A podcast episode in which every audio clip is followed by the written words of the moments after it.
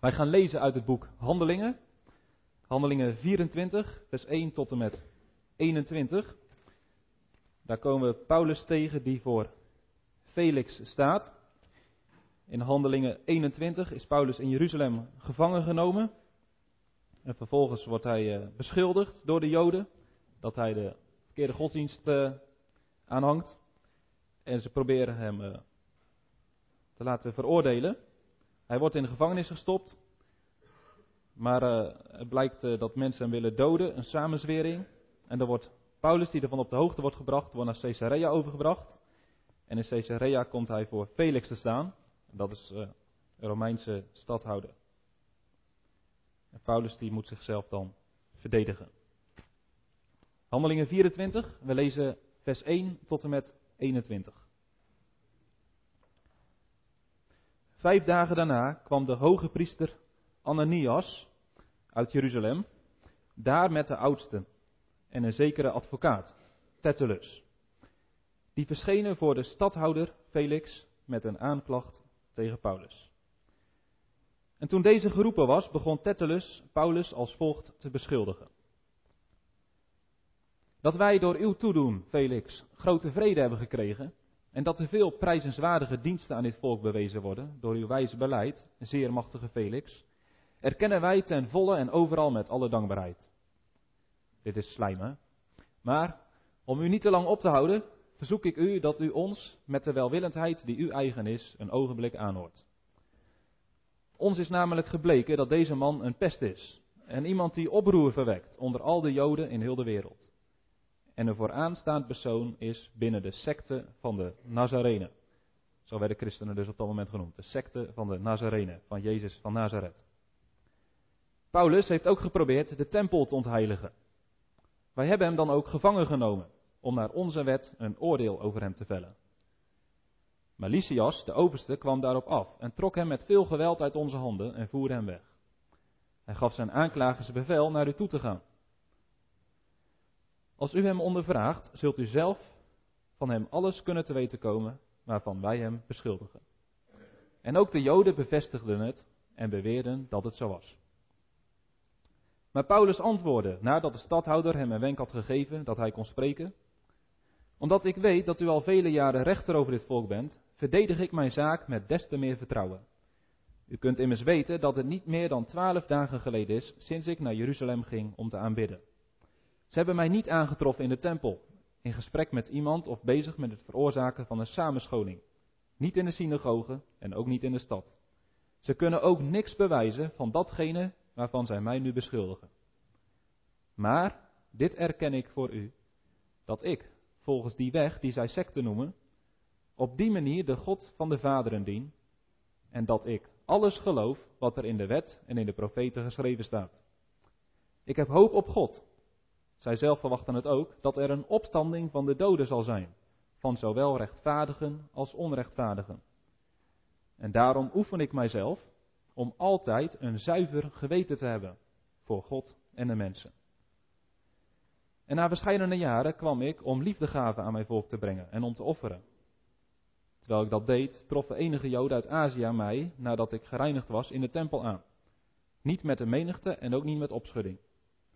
Die hadden hier voor u moeten verschijnen en mij moeten beschuldigen, als zij iets tegen mij zouden hebben. Of laten deze mannen hier zelf zeggen of zij enige ongerechtigheid in mij vonden toen ik voor de raad stond.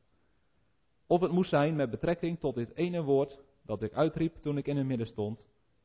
Over de opstanding van de doden word ik heden door u geoordeeld.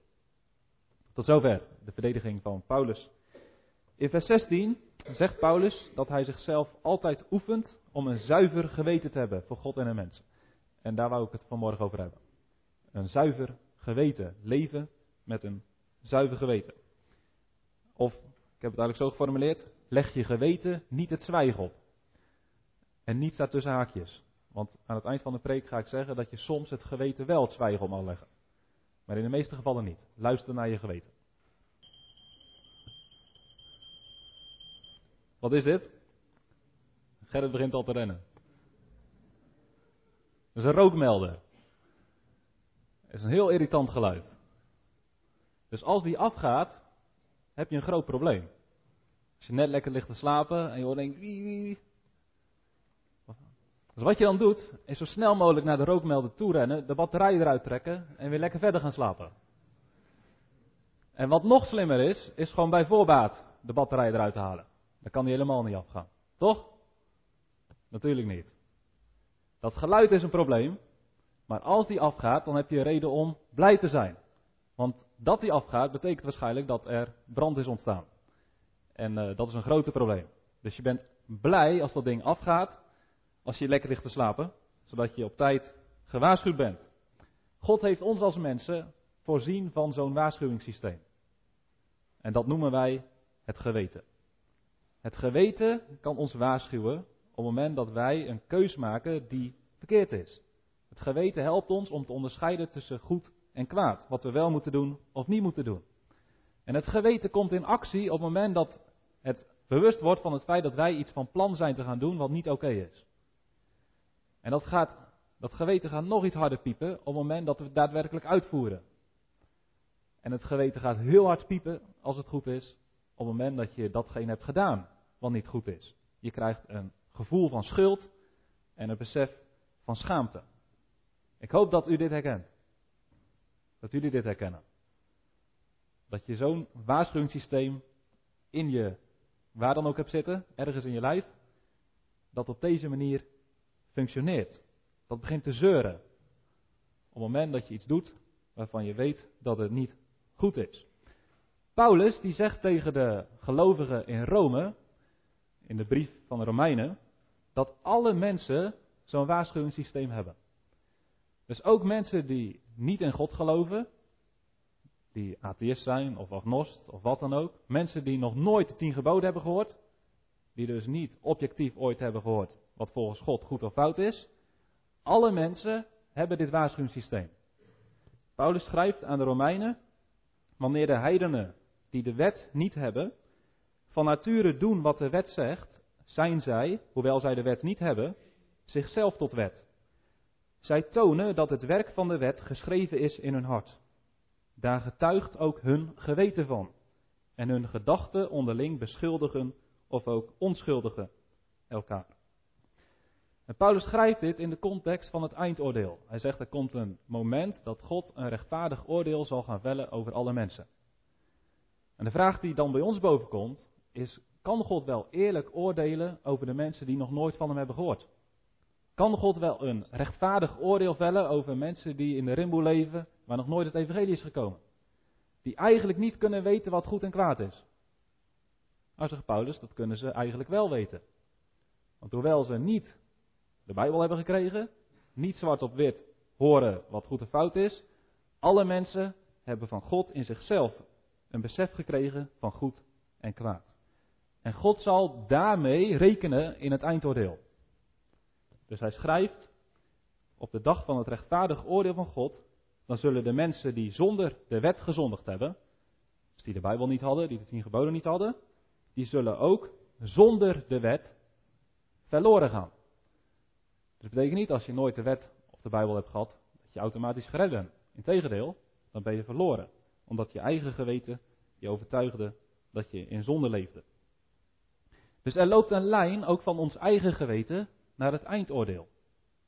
Dat is goed om te beseffen. Dus op het moment dat jouw geweten je aanklaagt, zal God je straks ook aanklagen voor het eindoordeel. Ik las ergens, je geweten is als het ware de plaatsvervanger van God. Gods stem in je hart, waar het dan ook is. Dus op het moment dat je geweten je veroordeelt, heb je een groot probleem. En daar lijkt Paulus zich van bewust in het stukje wat wij hebben gelezen.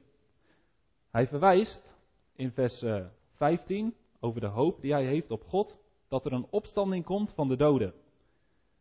En impliciet verwijst Paulus hiermee ook naar het eindoordeel. Want gevolgd op de opstanding van de doden, van rechtvaardige en onrechtvaardige mensen, zal het eindoordeel plaatsvinden. En daarom zegt Paulus, vers 16, daarom, omdat die opstanding komt, omdat het eindoordeel daarna volgt, daarom oefen ik mijzelf om altijd een zuiver geweten te hebben voor de God en de mensen. En waarschijnlijk merk je dat bij jezelf ook wel. Als je nadenkt over dat eindoordeel, over het moment dat wij voor Christus zullen verschijnen, dan gebeurt er iets. Dan wordt je geweten als het ware scherper, geactiveerd. Dan ga je je onrustig voelen over de dingen die je verkeerd hebt gedaan. Dan komt er een soort angst. Omdat je weet dat wat ik nu voel in mijn hart, wat mijn geweten zegt, dat zal ook wel eens kunnen zijn wat God straks tegen mij zegt in het eindoordeel. Dus het besef, het geloof dat er een eindoordeel komt, is ook een motivatie om wel te luisteren naar je geweten en om heilig te leven. Nu is het niet zo dat ons geweten altijd gelijk heeft. Ons geweten kan ons met rust laten en ons in de waan laten dat we goed bezig zijn, terwijl dat niet zo is, terwijl we wel zondigen. Een voorbeeld hiervan noemt Paulus van zichzelf.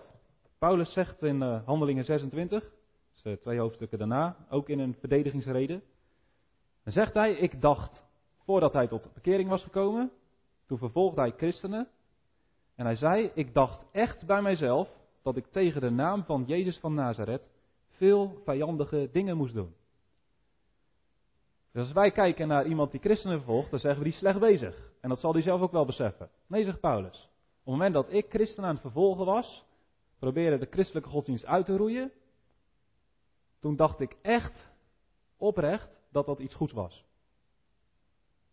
Dus zijn geweten veroordeelde hem niet. Integendeel, zijn geweten zei juist, je bent goed bezig Paulus, probeer er nog meer te pakken, probeer er nog meer te doden.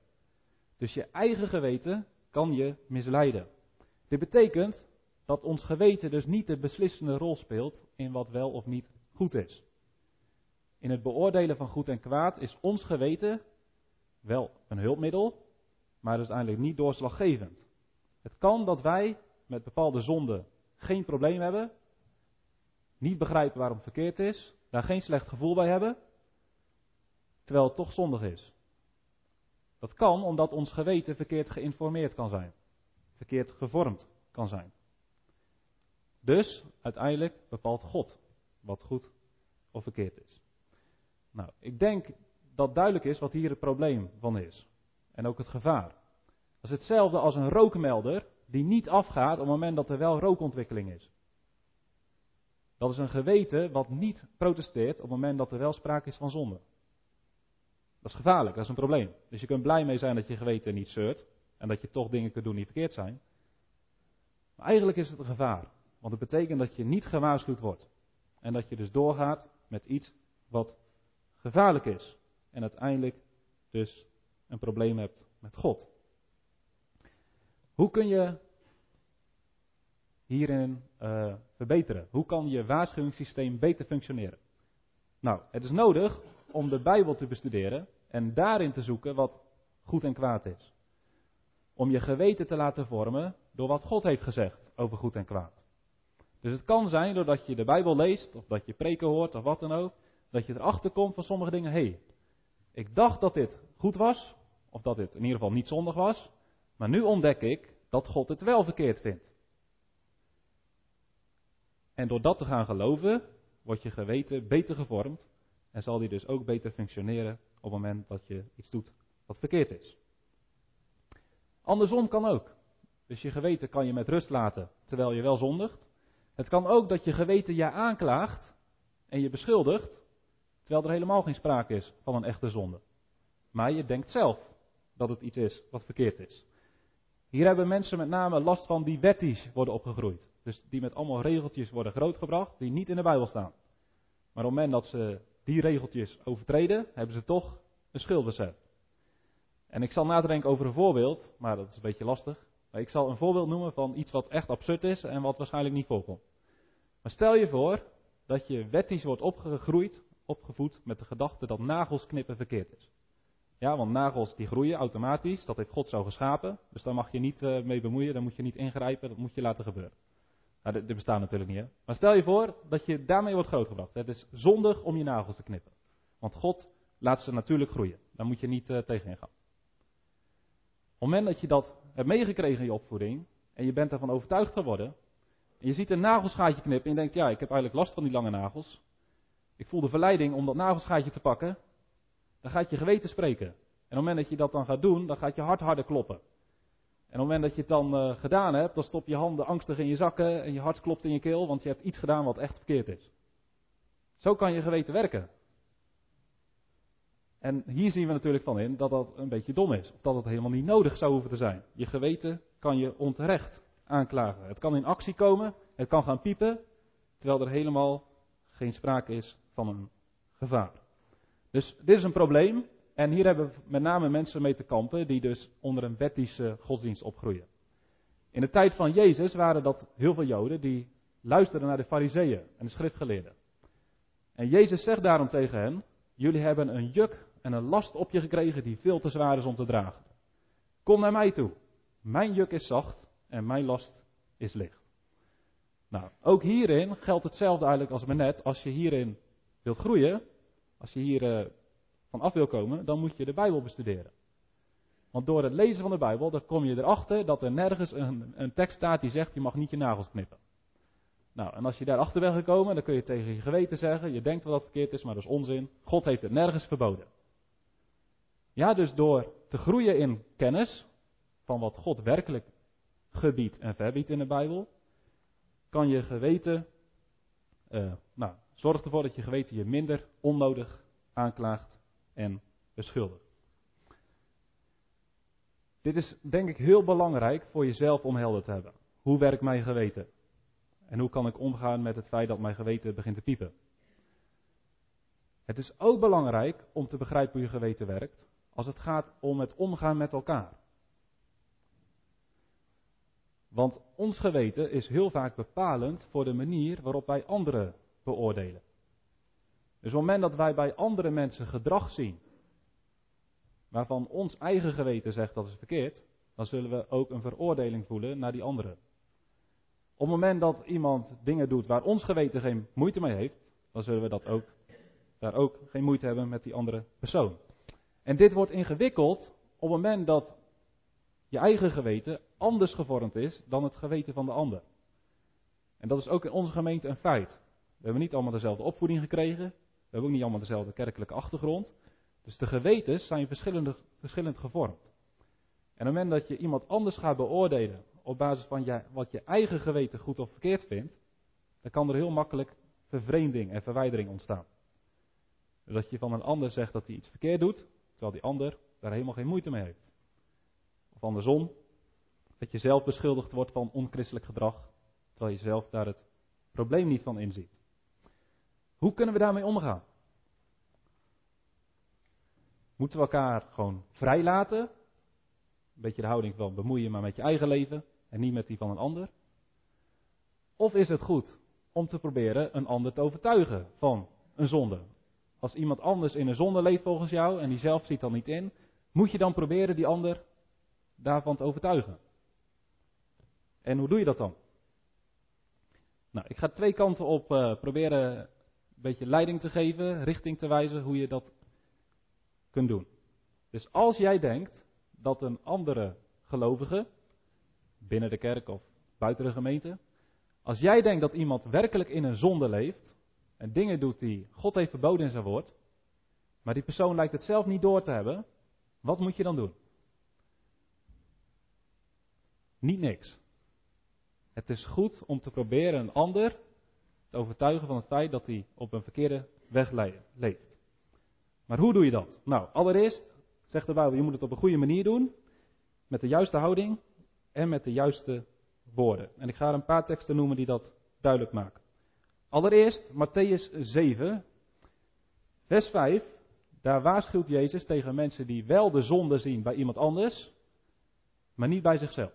Dus ze zien wel heel goed wat anderen verkeerd doen, maar ze zien het niet in bij zichzelf. En tegen hen zegt Jezus: Huigelaars, haal eerst de balk uit je eigen oog, en dan zul je goed kunnen zien om de splinter uit het oog van uw broeder te halen. Deze tekst wordt vaak gebruikt om te zeggen: je mag niks over een ander zeggen. Dat zegt Jezus niet. Je mag een ander aanspreken op zondig gedrag. Het punt wat Jezus maakt, je kunt dat alleen doen op de goede manier als je zelf doorhebt dat je zelf ook een zondaar bent. En als jij denkt dat jij rechtvaardig bent en zonder zonde, dan heb jij niet de juiste houding, de juiste overtuiging om een ander te kunnen aanspreken op zijn of haar zonde. Al eerst de balk uit je eigen oog. Besef eerst dat je zelf een zondige mens bent die genade nodig heeft. Voordat je de splinter bij je broeder probeert weg te halen. Ten tweede, Galaten 6, vers 1. Dan zegt Paulus, broeders, als iemand onverhoeds tot enige overtreding komt, dus als je ziet dat iemand een zonde doet in je omgeving, dan moet u die geestelijk bent, zo iemand weer terechtbrengen. In een geest van zachtmoedigheid. Dus opnieuw, Paulus die stimuleert om anderen aan te spreken op verkeerd gedrag. Dat mag je, dat moet je doen als medegelovige. Waarschuw elkaar. Maar zegt Paulus, doe dat met een geest van zachtmoedigheid. Dat is een nederige houding, een pastorale houding, die tegenovergesteld is aan een trotse houding, een veroordelende houding, een afwijzende houding. Dus doe het met zachtmoedigheid. Ten derde zegt Paulus in 1 Korinthe 13, de liefde denkt geen kwaad. En een mogelijke uitleg van die woorden is, de liefde vermoedt niets kwaads in het doen van de naaste. Dus als je leeft vanuit de liefde, dan zul je altijd het beste denken van de ander. Dus je ziet misschien wel dat iemand iets doet wat verkeerd is, maar de liefde zegt, hij zal het waarschijnlijk niet verkeerd bedoelen. De liefde zegt, waarschijnlijk is hij zich niet te bewust van dat hij aan het zondig is. Dus een christen denkt altijd vanuit liefde het beste van de ander. Niet van, nou, die is moedwillig aan het zondigen. Nee, waarschijnlijk doet hij het niet doelbewust, niet moedwillig. En als je die houding dus hebt van ervan uitgaan dat de ander werkelijk probeert goed te leven, dan is het beter om een vraag te stellen. Hé, hey, ik zie dat jij dit doet. Hoezo? Denk je dat het prima is? Dan dat je zegt, jij doet dit en dat is verkeerd. Het laatste is een beschuldiging.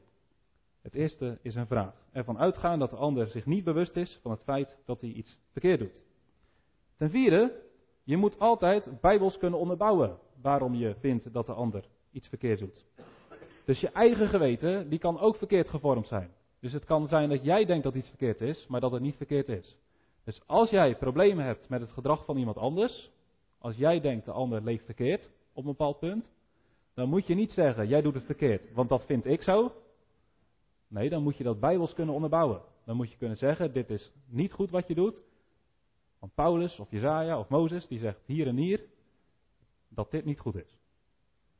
En als je niet bijbels kunt onderbouwen, dan moet je de ander vrij laten om andere keuzes te maken dan je zelf zou maken. En dan komt bij het uh, vijfde en laatste punt wat dit betreft. Wij mogen en kunnen niet heersen over het geweten van iemand anders. Elke gelovige staat ten opzichte van God. Is niet verplicht, hoe zeg je dat? Ik zal voorlezen wat Paulus zegt in Romeinen 14. Dan zegt hij, u echter, wat oordeelt u uw broeder? Of ook, wat minacht u uw broeder? Wij zullen immers allen voor de rechterstoel van Christus gesteld worden. Zo zal dan nu ieder van ons voor zichzelf rekenschap geven aan God. Uiteindelijk moeten we als christenen elkaar vrijlaten, tot op zekere hoogte. En op punten dat de Bijbel niet helder spreekt, kunnen we zeggen, uiteindelijk is het de persoonlijke verantwoording om bepaalde dingen wel of niet te doen. En iedereen moet uiteindelijk persoonlijk verantwoording afleggen aan Christus. Niet aan een ander, niet aan een mens, niet aan een gemeentelid, niet aan de dominee. Uiteindelijk staan we allemaal straks voor Christus. Hij zal ons beoordelen.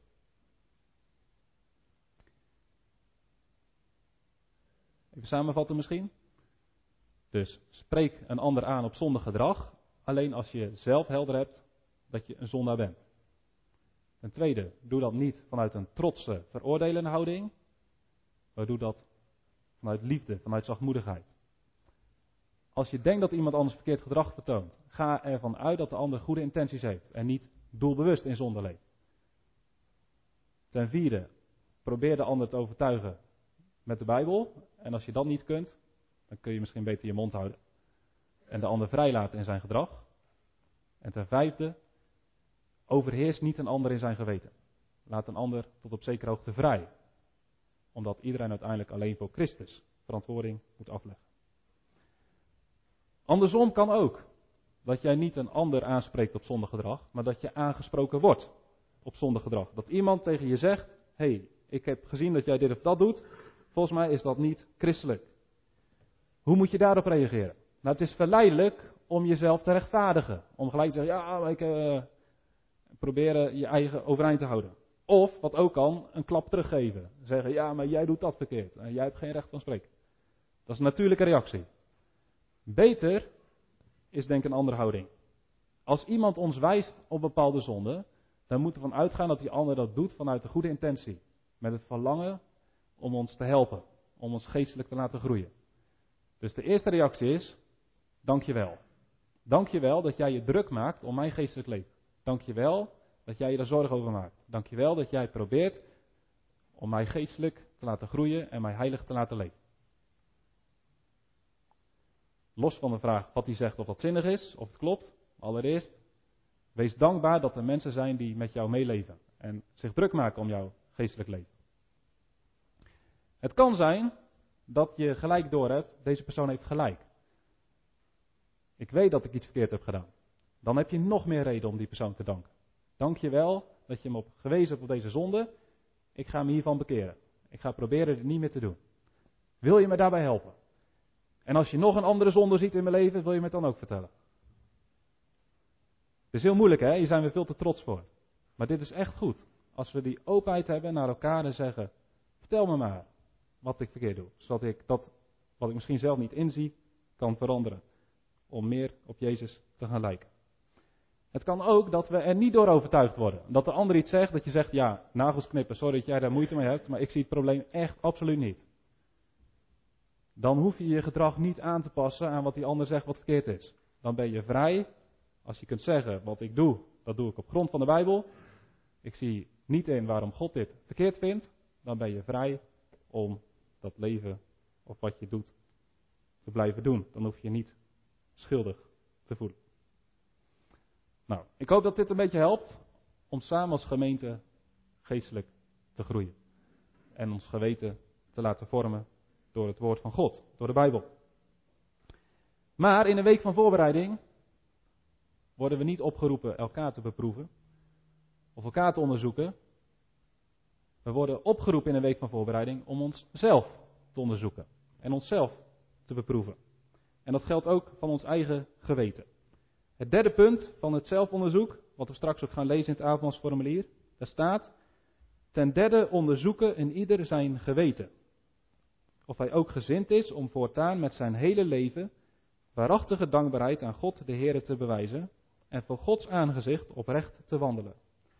En eveneens of hij, terwijl hij van harte en zonder te feinzen alle vijandschap, haat en afgunst van zich aflegt, een ernstig voornemen heeft voortaan in waarachtige liefde en eensgezindheid met zijn naaste te leven. Een hele lange zin, maar eigenlijk heeft Paulus het in één zin gezegd. Ik oefen mij altijd om een zuiver geweten te hebben voor God en de mensen. En de derde vraag van het avondsformulier is: Is dit zo? Als je naar je eigen geweten teruggaat, luister naar dat stemmetje van binnen. Is dit jouw oprechte verlangen? Om altijd God lief te hebben en te gehoorzamen en je naaste lief te hebben en te dienen? Luister naar je geweten. Is dit wat jouw leven is? Altijd het verlangen om God te eren. Altijd het verlangen om het goede te zoeken voor de ander. En Paulus zegt niet dat hij daarin volmaakt is geworden. Dat hij nooit meer een zonde doet tegen God of tegen iemand anders. Nee, Paulus zegt: Dit is mijn verlangen. Ik oefen mijzelf daarin. Daar span ik mij voor in. Ik doe mijn uiterste best om te voorkomen dat ik iets verkeerds doe. Of naar God toe, of naar andere mensen toe. En als je gered bent, dan herken je dat. Dan heb je God lief gekregen, dan heb je nieuwe liefde gekregen voor andere mensen. En dan heb je een verlangen om zo te leven dat je zowel God als de mensen lief hebt en niet uh, wat dan ook verkeerds aan doet. Hoe gaat u om, hoe ga jij om met je geweten? Ben je iemand die de batterijen eruit trekt, omdat het irriteert, omdat het irritant is? Of ben je iemand die probeert goed te luisteren naar zijn of haar geweten? Paulus zegt tegen Timotheus, dat is een mooie opdracht, oproep, behoud het geloof en een goed geweten. Wees zuinig op je geweten. Ga er goed mee om. Koester het. Zorg dat die altijd goed functioneert. Want, zegt hij, sommigen hebben dit verworpen, het geweten hebben ze uitgeschakeld, genegeerd, en ze hebben in het geloof schipbreuk geleden. Toen ik deze tekst las, heb ik een appje gestuurd naar een schipper die ik ken. En uh, Paulus gebruikt hier het beeld eigenlijk van een dieptemeter. Dus een schip, dat heeft een vaagheul waar hij veilig doorheen kan. Maar het kan zijn dat buiten de vaagheul dat het ondiep wordt en dat hij dus vastloopt en op een rots gaat of waar dan ook een schipbreuk leidt. En hij stuurde mij zo'n foto van zo'n dieptemeter en die waarschuwt. Dus die wijst eigenlijk de schip de veilige route. En als de schipper naar dat dieptemeter luistert, dan komt hij veilig op de plek waar hij moet zijn. Maar op het moment dat die dieptemeter aangeeft, hier wordt het gevaarlijk, hier wordt het ondiep voor het schip. En de schipper zegt, ja, ik negeer het, want ik wil gewoon deze route gaan. Ik, ben, ik volg mijn gevoel, of wat dan ook. Dan heeft hij een probleem. Uiteindelijk gaat dat schip schipbreuk leiden. En dat is dus als wij geestelijk ons geweten uitschakelen. En niet zorgvuldig naar luisteren. Als wij van binnen voelen, dit is verkeerd. Dan zeggen, ja, het is toch te leuk om het te laten. Laat ik het toch doen. Dan ga je vroeg of laat geestelijk schipbreuk leiden. Dan kun je mee verloren gaan. Als laatste punt. Wat kun je doen op het moment dat je geweten je aanklaagt? Op het moment dat die rookmelder gaat piepen. Ik denk dat we dit allemaal herkennen. Momenten dat we ons schuldig voelen en beschaamd. Het kan zelfs zo dat we daar onzeker door worden en angstig en dat het ons helemaal in de put brengt. Er is een oplossing om op een goede manier met je geweten om te gaan. In de brief aan Hebreeën zegt Paulus, of wie dan ook eh, de brief heeft geschreven, als het bloed van stieren en bokken en de as van de jonge koe op de verontreinigde gesprenkeld en heilig tot reinheid van het vlees, dat is het Oude Testament, hoeveel te meer zal het bloed van Christus uw geweten reinigen van dode werken, om de levende God te dienen. Dus hier wordt verwezen naar het bloed van Jezus Christus. Het bloed van Jezus Christus is in staat ons geweten te zuiveren, ons geweten te reinigen. Dus alle schuld en schaamte die wij kunnen voelen voor de dingen waarvan wij van binnen weten die we verkeerd hebben gedaan, daarmee kunnen wij naar Jezus Christus gaan. En op het moment dat we onze zonde beleiden, berouw tonen voor wat we verkeerd hebben gedaan, en ons vertrouwen stellen op het offer dat de Heer Jezus heeft gebracht, dan mogen we ons geweten het zwijgen opleggen. Dus op het moment dat jij zegt, ik weet dat ik gezondigd heb. Maar ik kijk naar het kruis. En ik vertrouw erop dat het bloed van Jezus Christus reinigt van alle zonden. Dan kan het zijn dat je geweten nog door begint te zeuren. En dat is het moment dat je zegt stop. Je geweten, je hebt je taak gedaan. Je hebt mij overtuigd dat ik verkeerd heb gedaan. Maar ik ben naar het kruis van Christus geweest. En het bloed van Jezus reinigt mij van alle zonde. Geweten, je moet nu stoppen. Dus je moet eerst goed luisteren naar je geweten. Naar de Heer Jezus gaan. Met je zonde en je schuld.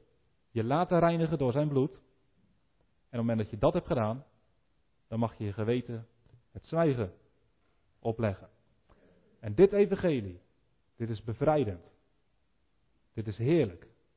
Want er is niks irritanter voor elk mens dan een geweten wat zich schuldig voelt.